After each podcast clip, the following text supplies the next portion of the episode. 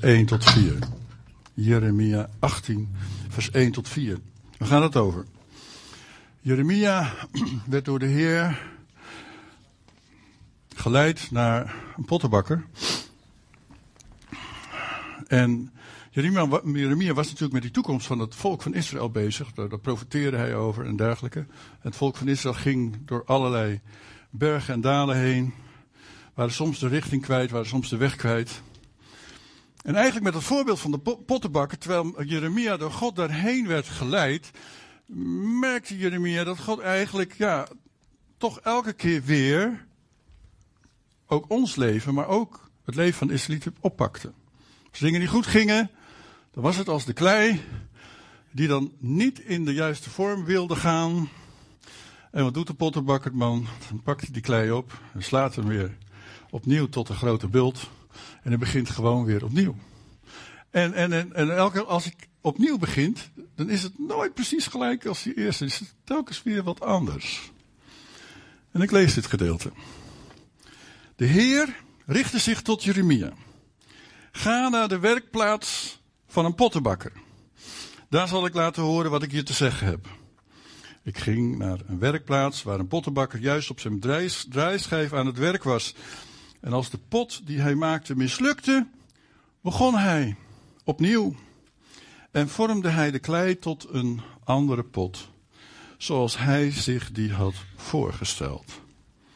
Eigenlijk zien we hier dus eigenlijk precies wat ik net vertelde, dat God een plan had met zijn volk en hij kwam er wel mee klaar. Ook al was het volk, de klei, soms wat onwillig. En zo heeft God ook een plan met jou en mijn leven. Amen. En uh, worden wij gevormd door de Heer. Het is niet altijd even prettig. Soms dan lijkt het wel alsof uh, de dingen, de omstandigheden die wij beleven uh, vervelend zijn, naar zijn. En dan denken van Heer, neem het bij ons weg, bla bla bla. En dan kom je natuurlijk allemaal naar voren voor gebed. Dan heb je het moeilijk. Moet je ook doen, moet je blijven doen. Maar het zou soms wel eens zo kunnen zijn dat God zegt van, dat is nodig omdat ik jou, uh, jou wil vormen tot die bestemming die ik voor jou heb. Nou, toen God Adam en Eva schiep? Wie kent dat verhaal nog? En hij schiep in hen de mogelijkheid om een vrije keuze te maken. Ik heb wel eens aan gedacht van, van Heere God, wat, dat is de grootste vergissing die u hebt begaan.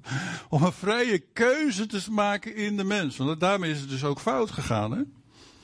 Maar goed, toen God dus Adam en Eva schiep met de mogelijkheid om een vrije keuze te maken, wist God eigenlijk al dat de mens voor ongehoorzaamheid zou kiezen. Eigenlijk heel apart, hè? Want God was alwetend. Dus hij wist ook al dat Adam en Eva dus niet gehoorzaam zouden zijn aan hem. En toch schiep hij hen. Um, hij wist dus ook wat voor verdriet daaruit zou komen uit die verkeerde keuze. Hij wist dus ook wat voor verdriet er uit de zonde zou komen. En wij hebben er allemaal mee te maken. We weten soms hoe pijnlijk en moeilijkheid, moeilijk dat is. Maar ook wat voor gevolgen het voor de eeuwigheid zou hebben. Voor die mens. En uh, God alleen weet hoe erg het is om voor eeuwig verloren te zijn. Buiten God te zijn. God alleen weet het. En toch schiep hij Adam en Eva met die vrije wil. Ondanks dat ze zouden kiezen voor ongehoorzaamheid. Ondanks dat ze zouden kiezen voor rebellie naar God. En ondanks dat ze daardoor dus de kans liepen, de zekere kans liepen, om voor eeuwig verloren te gaan. Hij wist ook, want God was alwetend, dat de enige oplossing voor de gevolgen van die verkeerde keuzes en voor die ongehoorzaamheid, de enige oplossing voor de gevolgen van de straf, dat dat was het offer van zijn eigen zoon aan het kruis op Golgotha. God wist dat allemaal al. Toen hij Adam en Eva schiep. Vandaar dat ook al in Genesis daarover lezen. Over die slang die de kop vermorseld zou worden. Eén keer zou die dag komen. God was alwetend. En ondanks dat schiep hij toch Adam en Eva. Onbegrijpelijk. Eigenlijk onbegrijpelijk. Waarom schiep hij eigenlijk Adam en Eva? Ondanks dat hij wist dat ze fout zouden gaan. Waarom?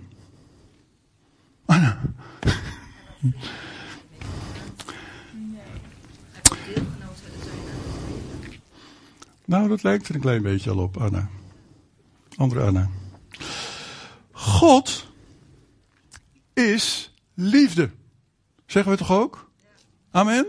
God is liefde. Liefde, het idee liefde, komt zelfs bij God vandaan. Is niet door mensen bedacht. God zelf is liefde. In Johannes 4, vers 8. Daar zegt Johannes: Wie niet lief heeft, die kent God niet. Want God is liefde. Wow. En alles wat God doet, of wat God toestaat, heeft tot doel om een goed en gelukkig leven te verzekeren voor de mens. Dus alles wat hij doet, alles wat hij toestaat, heeft als doel om een gelukkig leven te verzekeren voor de mens, Martin. Wow. Ja. Dus God had blijkbaar iets heel kostbaars op ogen. Voor ogen. Hij, hij, had een idee en een doel voor ogen wat zo kostbaar was en zo hoog was en zo. Wow. En hij wilde dat per se bereiken. En daarom schiep hij toch maar Adam en Eva. Ondanks alles wat er zou gaan gebeuren. Omdat God had een groot verlangen naar iets. Hij zelf was liefde. In ons is geen liefde als mens. Maar hij zelf was liefde en heeft ons geschapen naar zijn beeld. Wow, geweldig.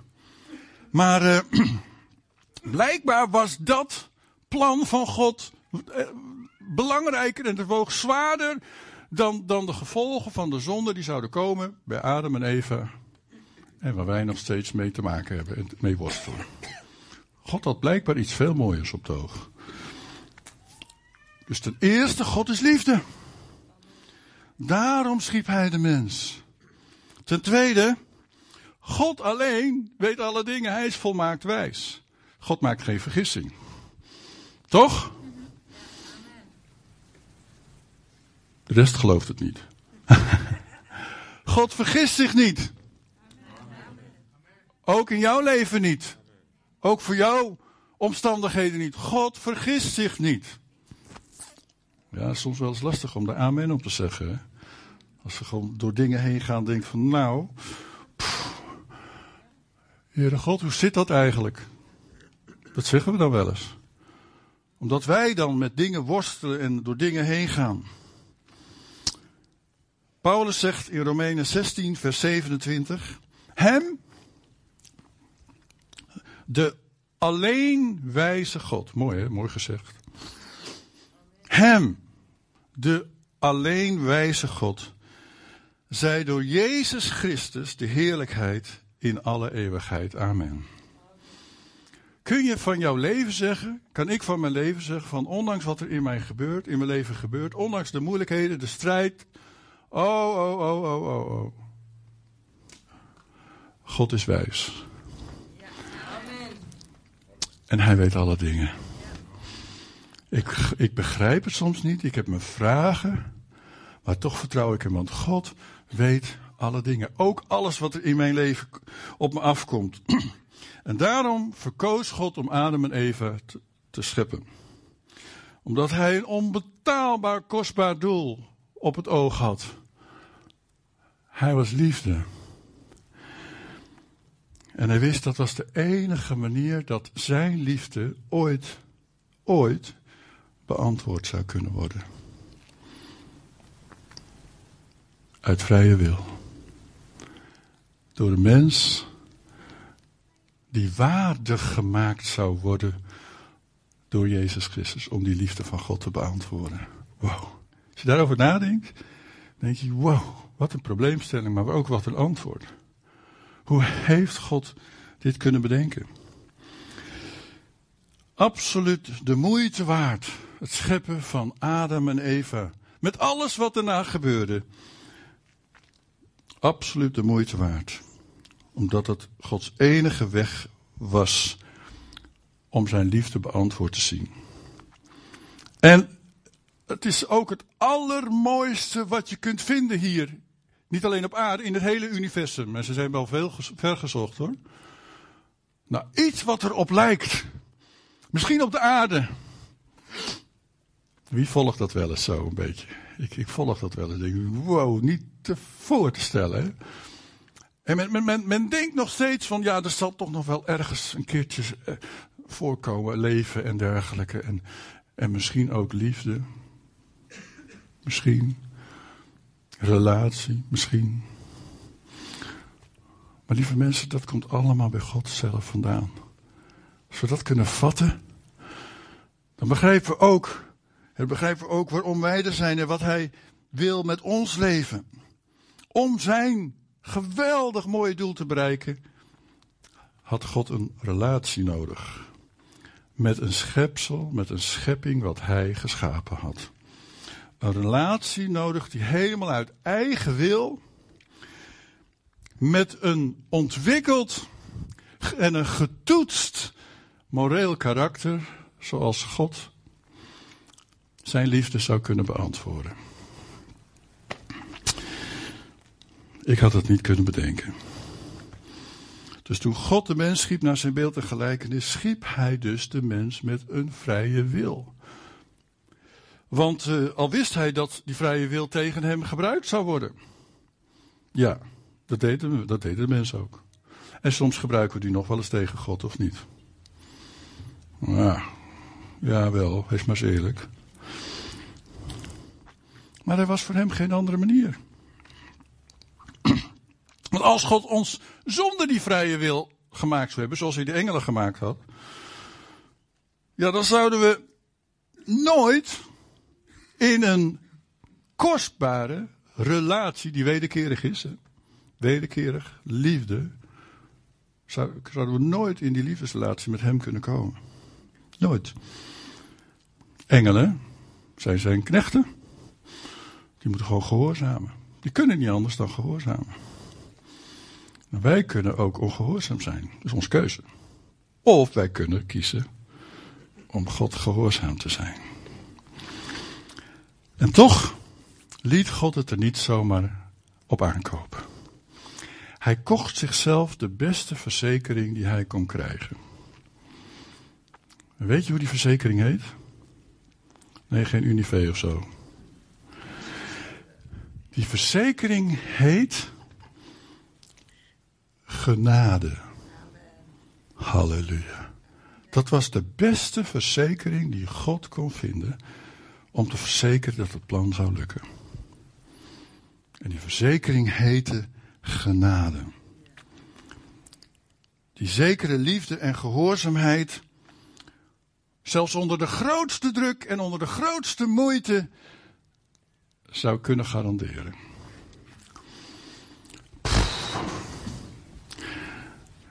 Ik heb veel van die genade nodig van God. Hè? Jij ook? Ja. Ja. Genade. Gods idee. Gods garantie dat het zou lukken. Met die mens, met die vrije wil. En dan kon hij uiteindelijk dan toch met al die mensen die door genade en door zijn plan van redding zijn kinderen zouden kunnen worden, zou hij dan toch dat geweldige mooie koninkrijk mee kunnen bouwen. Volmaakt. Door Jezus. Amen. Ingewikkeld? Nee, niet zo ingewikkeld hè. Maar je moet er wel goed over nadenken. Want wat is dan de keuze die God aan jou en mij overlaat? Wat is dan die keuze? Nou, kunnen ze voor zoveel dingen kiezen. Ja, kies tussen groen en blauw, en tussen zwart en rood. En ik, uh, als ik bij Lidl ben, dan weet ik niet wat ik moet kiezen. Zoveel mooi fruit ligt daar en we moeten natuurlijk ook wel wat lekker eten. En zo, wij, ons hele leven zit vol met keuzes. Ik weet niet of je, of je erover nagedacht hebt, maar het is echt vol en vol met keuzes. We doen dat allemaal zonder bij na te denken, we doen die keuzes. Maar toch heeft God ook een bepaalde keuze bij ons neergelegd. En die keuzes die wij daarin kunnen maken, voor God en de dingen van God, die vormen ons leven. Ja. Of we de goede keuzes maken, en als we de verkeerde keuzes maken, dan zet God ons niet buiten de deur. Maar dan is hij gewoon als de pottenbak en die zegt van, het gaat niet goed. Even weer een dikke kluit van maken, we beginnen weer even opnieuw. Wie heeft het wel eens ervaren? Dat ik denk van, nou, het ging niet goed. maar gelukkig, door genade, begint God weer opnieuw. Eigenlijk heel, heel bijzonder. uh, Petrus die zegt het zo mooi. Hij roept ons op om onze roeping en verkiezing als kinderen van God te bevestigen. Hij zegt, beijvert u daarom des te meer, 2 Petrus 1 vers 10 en 11. Beijvert u des te meer, broeders en zusters, overigens staat hier, om uw roeping en uw verkiezing, dat God je op het oog heeft gehad, dat je ja kon zeggen tegen hem, dat je hem gehoorzaam mocht zijn, om dat te bevestigen. Want als gij dit doet, zult gij nimmer struikelen. Want zo zal u rijkelijk worden verleend de toegang tot het eeuwig koninkrijk van onze Heere en Heiland Jezus Christus. Dus alles wat er in ons leven op ons afkomt, ook de moeite, oeh, daar kunnen we elke keer weer keuzes maken. Hopelijk maken we de goede, Martin, maar af en toe maken we ook wel eens een uh, verkeerde keuze. Wie kent dat wel eens, dat hij verkeerde keuze maakt? Ja, kom maar. Ja, nou wil ik alle handen zien, want ik... Uh, niet zo bang zijn. Gods genade is daar dat we naar God toe kunnen gaan en zeggen van ik heb het verkeerd gedaan, Heer. En de Heer zegt van ja, maar je bent mijn kind. En mijn genade is genoeg. Ik pak je op. En je gaat wel door een les heen. Ja, dat hebben we heel vaak meegemaakt. Maar ik ga je gewoon weer even opnieuw vormen. En uiteindelijk Uiteindelijk veranderen we zo in ons hele leven, veranderen hoe langer, hoe meer naar dat beeld van zijn zoon Jezus Christus. Nou, want wat voor leven zouden we moeten leven als wij dan kinderen van God zijn? Vrijgekocht, vrijgemaakt door Jezus. Wat voor waarden en normen houden we dan aan? Nou, die van de wereld.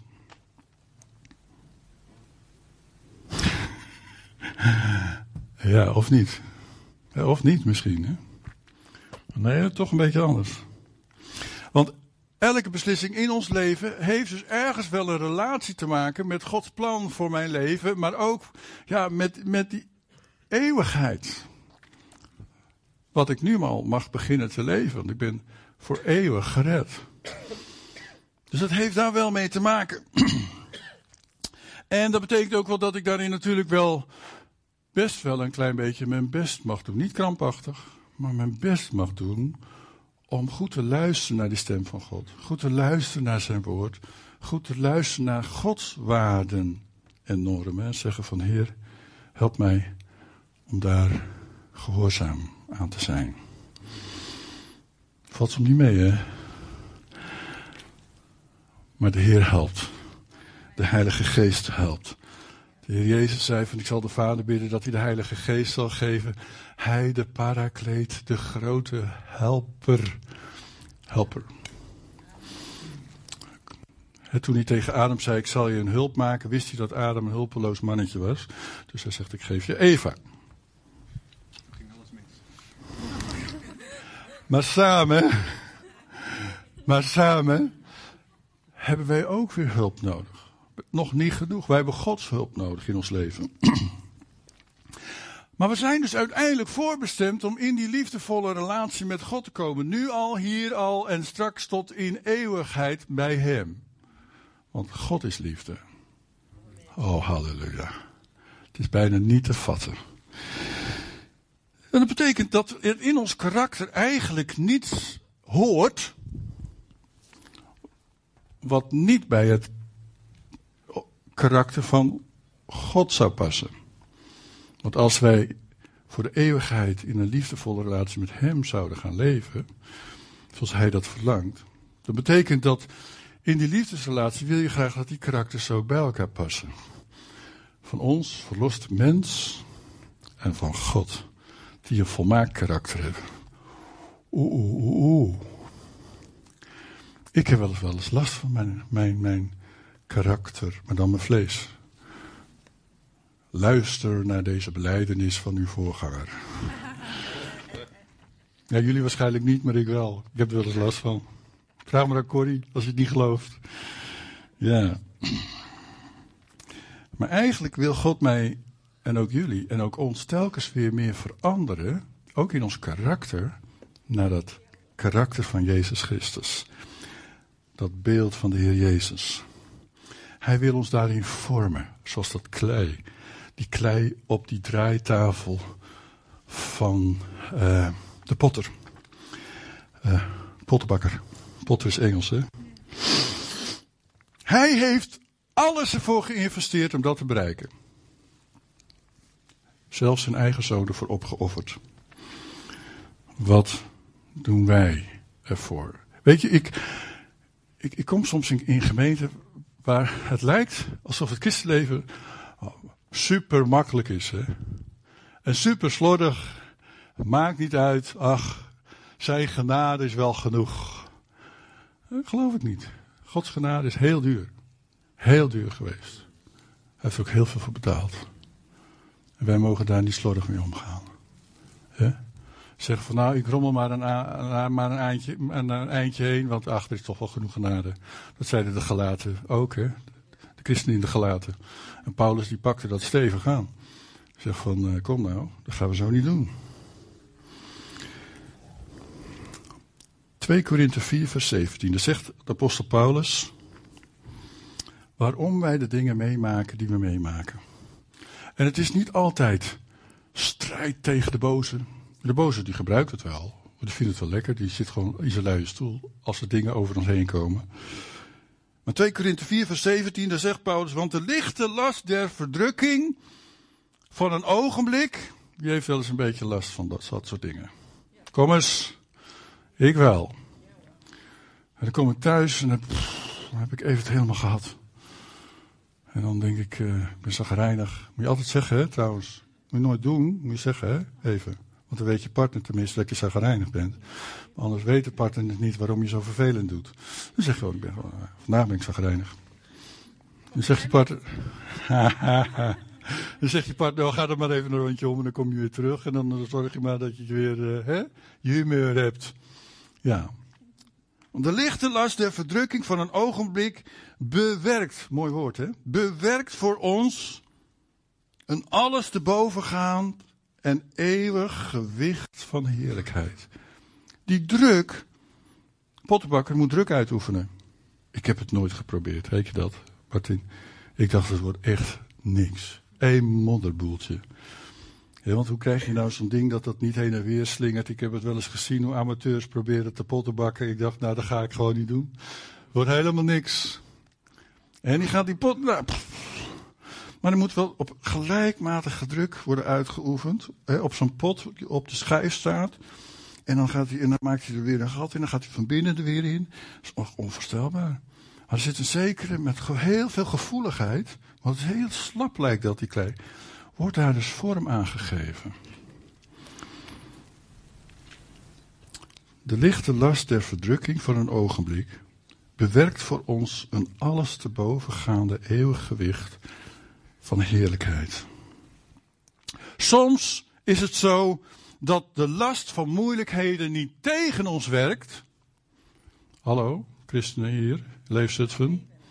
Soms is het zo dat de lichte last van de problemen niet tegen ons werkt, maar juist voor ons. Maar je moet het willen zien. Want vaak zitten wij dan gelijk, stellen wij de vraag: God, Heer, waarom? God zegt, joh, waar maak je je nou druk om? Ik ben met jou bezig. Ik ben je met je en ik ga iets moois maken van jouw leven. Ik ga jou ook vormen naar het beeld van mijn zoon. En die lichte last van die problemen, van die omstandigheid, kan ook voor jou werken. En deze wereld met alle problemen en gevolgen van de zon is de beste plaats voor christenen om voorbereid te worden, om heiliger te worden voor de eeuwigheid. Amen. Dat gewoon vindt in ons leven gewoon hier plaats. En dat is een proces. En dan worden we hoe langer hoe meer als Jezus. Ja, zeg, stel je voor dat ik uh, geen tegenstand zou hebben. Ik wil wel een uh, voetbalclub leiden die nooit tegen een tegenstander hoeft te voetballen. We winnen we altijd. Ja, werkt niet hè. Als wedstrijden wil winnen, dan moet je tegenstand hebben.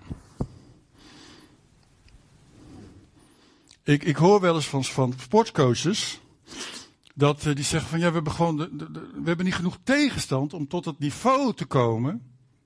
Als, als sport, uh, als team of als schaatsers of als wielrenners. We hebben gewoon niet genoeg tegenstand om zelf tot het niveau te komen waar we zouden moeten zijn om wereldkampioen te worden. Oh, halleluja. Dank u, Heer, voor de omstandigheden in mijn leven. Zou je dat kunnen bidden, denk je? Dank u, Heer, want het heeft me wel gebracht waar ik nu ben. Het heeft mij wel gevormd meer naar uw beeld. Ondanks de druk die er om me heen is. Paulus die legt het zo mooi uit aan de, aan de. Hij zegt in Filippenzen 3 vers 10.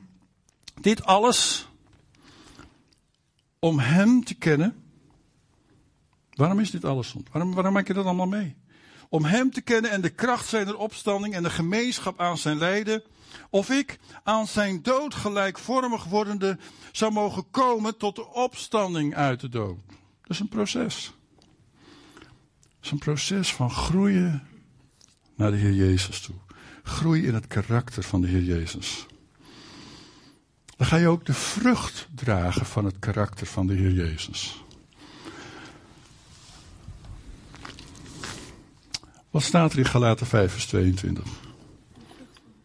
Wordt over de vrucht van de geest gesproken. Nou, ik heb over de Heilige Geest gesproken met Pinkster en daarna gaan we nog verder eens een keer verder uitdiepen. Maar misschien eventjes, even een zijspoortje. De vrucht van de geest. Dat is eigenlijk het karakter van de geest van Jezus Christus. Wat is dat? Wat, wat, wat zijn die karaktereigenschappen van de geest van onze Heer Jezus Christus? Liefde. Blijdschap. Oh ja, staat er natuurlijk. Liefde als ik eigenlijk geen liefde voel. Blijdschap als ik eigenlijk niet zo blij ben, maar zagrijnig. Vrede Mm, als ik een ander wel eventjes uh, een kopje kleiner zou kunnen maken. Langmoedigheid. Hè? Als ik niet zo veel geduld heb. Vriendelijkheid.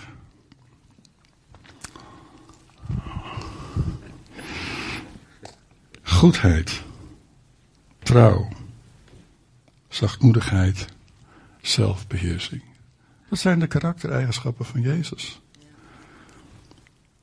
En, en, en God is dus bezig met ons te vormen, dat klei, totdat wij meer en meer op Jezus gaan lijken. Nou, ik ben er nog niet. Zijn die mensen die er al zijn? Maar ik ben wel onderweg. En ik heb de hulp van de Heilige Geest in mijn leven. Is dat niet geweldig? Ik hoef niet alleen te presteren, ik hoef niet alleen te doen. Want ik kan dat niet uit mezelf. Om te worden als Jezus moeten we uitstrekken, naar, ons uitstrekken naar Hem om, om in een intieme relatie met, met Jezus, met God te gaan leven. Tijd doorbrengen met Hem, tijd doorbrengen in aanwezigheid van de Heilige Geest.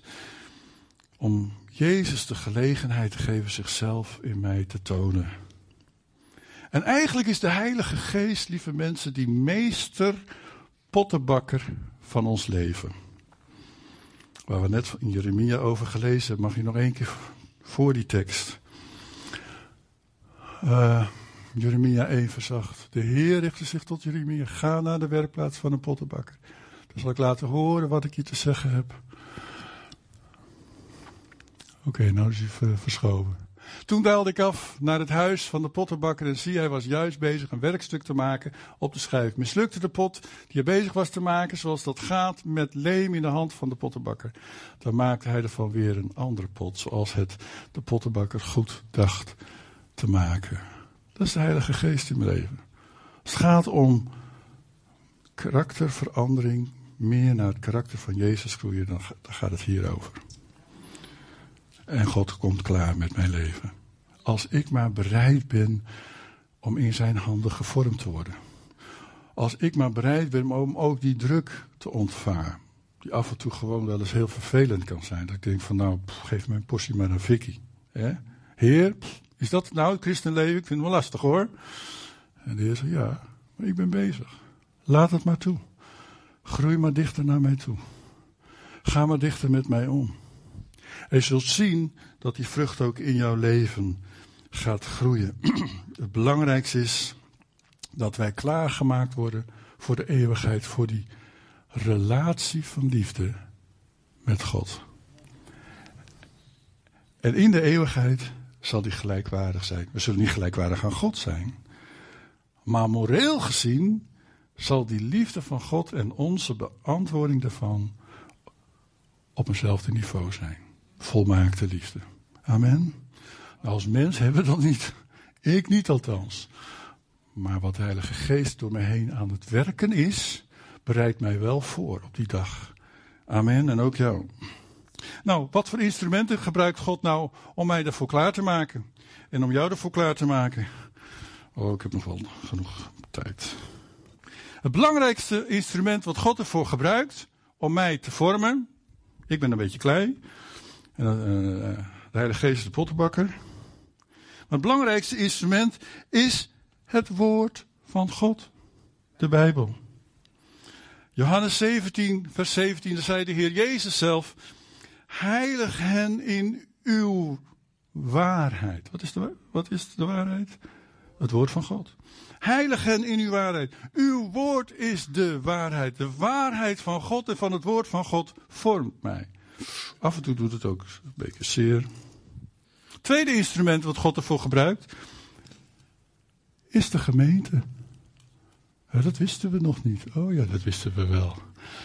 De gemeente is het tweede instrument wat God ervoor gebruikt om gevormd te worden samen met elkaar en aan elkaar. En om zo naar het beeld van Jezus te groeien. Het proces van vorming vindt niet plaats als je isoleert. Vandaar dat we ook de leefgroep hebben. Zo belangrijk. Want het gebeurt niet alleen maar op zondagmorgen in het half uurtje of in het uurtje wat we samen zijn. Het gebeurt door de week. En in de leefgroepen zit je als het ware in een hoge drukpan door de week bij elkaar. En groei je sneller met elkaar samen in de dingen van God. Efeze 1, vers 18, daar zegt Paulus: Mogen uw hart verlicht worden zodat u zult zien, zodat je dus het zult zien, waarop u hopen mag. Nu hij u geroepen heeft. Dan zul je zien hoe rijk de luister is die de heiligen zullen ontvangen. Halleluja. Dat is voor jou. Het is voor mij. Nou, Paulus, ik ben bijna bij het einde hoor, maar ik heb me geen, geen zorgen zei dat het doel van zijn prediking en onderwijs gericht was om te vervolmaken in Christus. Hij zei in Colossense 1 vers 28, hem verkondigen wij, zegt Paulus, de Heer Jezus, en wanneer wij ieder mens terechtwijzen en ieder mens onderrichten in alle wijsheid, en dat proberen we met elkaar te doen, en ook ik als voorganger, maar ook de oudste, om ieder mens in Christus volmaakt te doen zijn. Dus als je af en toe nee hoort van de voorganger, dat gaan we niet doen. Moet je niet boos op me worden. Het is een deel van het proces. Zelfs al zou ik het fout hebben, dan gaat God het toch nog gebruiken. Amen? Maar dat hoort er wel bij. Dat zijn de dingen die we ook als gemeente met elkaar doormaken en beleven. Vind het zo jammer dat sommige christenen al denken dat ze er helemaal zijn. Zekere vooringenomenheid hebben. Van, ik heb het wel allemaal. Jullie zijn er nog niet. Jullie zijn nog niet zo ver, hoor ik dan wel eens. En dan denk ik, ach, wat jammer nou. Die hebben er niet zoveel van begrepen. En ik bid dat in deze gemeente Leefzutphen de woorden en onderwijzing van de apostel Paulus gaan gelden. Hij zei in Filippenzen 3 vers 13 en 14, belangrijke woorden, broeders en ook zusters overigens, adelphoi, even in het Grieks nakijken. Adel, broeders en zusters, ik voor mij acht niet dat ik het reeds gegrepen heb. Maar één ding doe ik. Vergetende hetgeen achter mij ligt, mij uitstrekkende naar hetgeen voor mij ligt, jaag ik naar het doel. Welk doel? Om die liefde van God voor eeuwig te kunnen beantwoorden. Nu al, maar in, Hij vormt mij naar het beeld van Jezus. En straks zal ik altijd bij Hem zijn. Ik jaag erna naar het doel om de prijs der roeping Gods die van boven is in Christus Jezus. Lieve mensen, God heeft een schitterend plan met je leven. Dat wist je al, maar nogmaals, nog een keer. God heeft een schitterend plan met je leven. Haak aan bij dat plan van God voor jouw leven. En hij gaat er een diepere betekenis aan geven. Hoe langer je met hem wandelt, hoe dieper die betekenis wordt. Nou, wat kunnen we daarvoor doen? Geloof in Hem. Vertrouw in Hem. Geloof in de Heer Jezus Christus. Dat Hij gekomen is als verlosser, ook voor jou. Het probleem van de zonde tussen jou en God heeft opgelost. Ten tweede, beleid je fouten aan Hem. Beleid je zonde, beleid je schuld. Zeg, ik heb het niet goed gedaan. Heer, het is niet goed gedaan, gegaan vandaag. Heer, het is niet goed gegaan in mijn leven. Ik heb u nodig. Ik keer mij om van mijn eigen weg naar uw weg het plan van redding in Jezus Christus. En dan vraagt hij om hem te volgen en hem de Heer van je leven te laten zijn. En dan zegt Paulus, en dan 2 Korinthe 3 vers 18, dan zullen wij alle, wij alle, die met een aangezicht waarop geen bedekking meer is, de heerlijkheid des Heren weerspiegelen.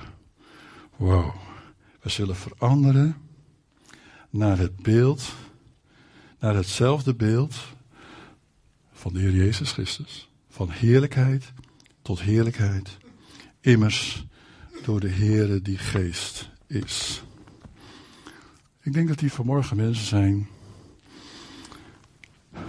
die het gevoel hebben, ja mijn leven staat wel onder druk.